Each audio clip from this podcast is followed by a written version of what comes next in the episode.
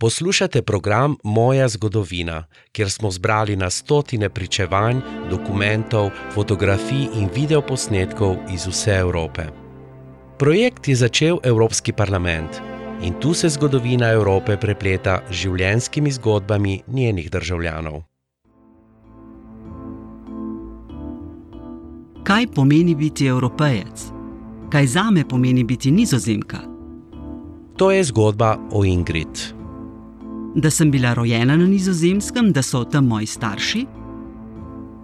Na naši platformi My House of European History lahko ljudje iz vse Evrope delijo svoje zgodbe. Zelo pogosto so to zgodbe o identiteti. Ena od njih je z nami delila Ingrid.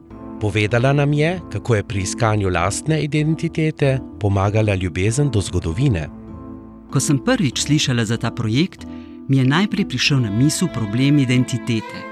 Kaj pomeni biti evropejec in kaj zame pomeni biti nizozemka?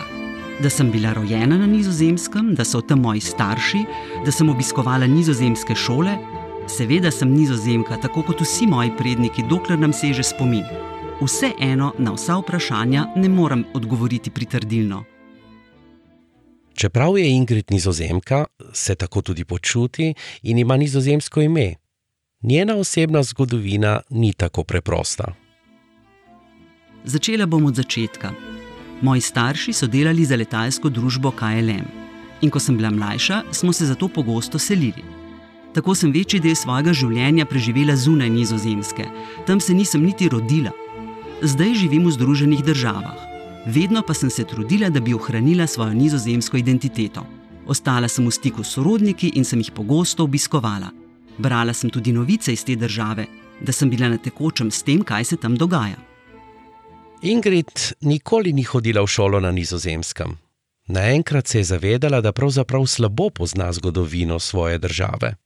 Kot zgodovinarka pa se zaveda, kako pomembna je pri iskanju lastne identitete zgodovina. Zato se je odločila, da bo začela te teme brati, preučevati in pisati. Ja, začela sem brati knjige o sodobni nizozemski zgodovini. In potem sem doktorirala iz rimske zgodovine. In na to sem začela pisati tudi knjige o minulih časih. O rimskih časih vemo kar precej, ker so rimljani za seboj pustili veliko pisnih verov. V njih pa ni prav veliko govora o kulturah, s katerimi so bili v stiku, naprimer o Frizicih. To je starodavno pleme, ki je živelo na severu današnje Nizozemske. Rimski zgodovinari jih le nekajkrat omenjajo, največkrat v povezavi z vojnami. Ti zgodovinari pa niso vedeli, kakšen je bil vsakdan tega plemena ali s čim so se njegovi pripadniki poistovetili.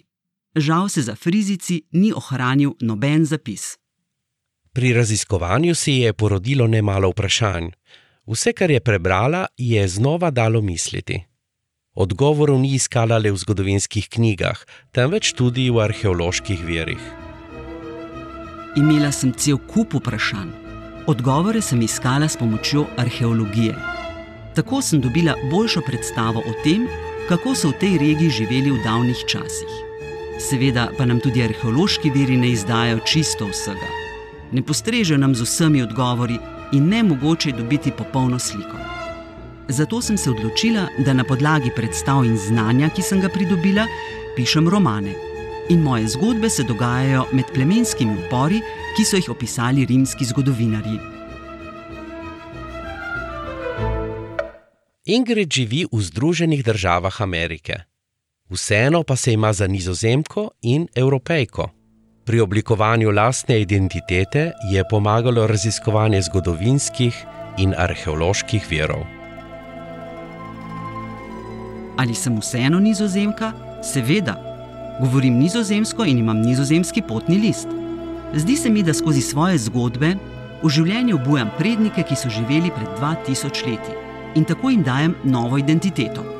Res pišem romane, ampak te zgodbe krepijo moje vezi s temi starodavnimi plemeni in tako krepijo tudi mojo identiteto.